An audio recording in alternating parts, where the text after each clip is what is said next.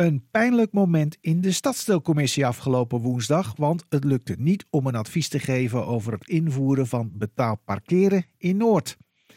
Er lag een conceptadvies dat bestond uit maar liefst 29 punten, maar op voorstel van commissielid Janan Oujar van de PvdA werd dit niet in stemming gebracht, maar werd in meerderheid besloten om eerst een bijeenkomst te beleggen waarin Noorderlingen hun mening kunnen geven. Het voorstel van Hoejaar leidde tot heftige emoties, met name bij Wiebe Langeveld van GroenLinks, die vervolgens geen commentaar wilde geven voor de microfoon. Iemand die het hoofd wel koel hield was Dylan Meijer van de VVD, die wel een idee had waarom het maar niet lukte om tot een advies te komen. Dat komt omdat we niet objectief kijken naar wat heeft dit stadsdeel nodig, wat hebben de bewoners nodig, uh, maar toch vanuit partijpolitiek of de autofilie of de autofobie opzoeken. Dus of ik ben pro-auto, dus ik kan niet in gesprek over betaald parkeren. Of ik ben zo anti-auto, ik wil pertinent betaald parkeren overal invoeren. En ik wil daar ook geen gedegen gesprek met elkaar over voeren. Vandaar dat we vanavond 29 bullet points hadden in ons advies. En dat kan je niet bespreken. Ja, vaak nog tegengesteld ook. Hè? Nou ja, een paar ervan zijn inderdaad tegengesteld. Dan is het niet chic naar Amsterdam-Noord en naar bewoners... om dan te zeggen, we gaan dit vandaag zo inleveren. Maar is dit dan niet eigenlijk ook een brevet van onvermogen van de stadsdeelcommissie op dit moment? Ja, dat is uh, een goede vraag. Um, dat heb ik ook vandaag hardop eigenlijk gesteld in de stadsdeelcommissie. Ik zei dat wij hebben gefaald in het opstellen van zo'n advies. Um, en mijn betoog voor vanavond was eigenlijk ook om elkaar op te zoeken in wat heeft dit stadsdeel nodig als je kijkt naar mobiliteit, waar wij niet toereikend zijn. We hebben twee metrohaltes, die metro is er ook niet altijd. Uh, en voor de rest, ons busnetwerk is alles behalve fijnmazig. Dus wat moet dit stadsdeel hebben en kan je deze maatregelen dan wel invoeren? En dan je partijkleur even opzij zetten en proberen gewoon te kijken wat dit stadsdeel nodig heeft. En dat kunnen we blijkbaar nog steeds niet doen.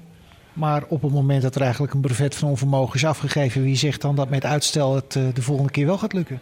Nou, dat was dus de vraag of wij dus voor die tijd bij elkaar kunnen komen en ons kunnen laten leiden door bijvoorbeeld een bewonersavond, waarin we ook het geluid horen vanuit de bewoners zelf. En dat we niet alleen ons eigen onvermogen met elkaar proberen op te lossen, want dat lukt gewoon niet. Nee, maar goed, nu is er ook nog een dagelijks bestuur. En uh, Jasmine Al-Sahi, die gaat over verkeer en dus ook over betaald parkeren. Was zag gezegd not amused. Er zat een hele batterij ambtenaren op uh, getrommeld. Er is ook een deadline en die wordt nu niet gehaald.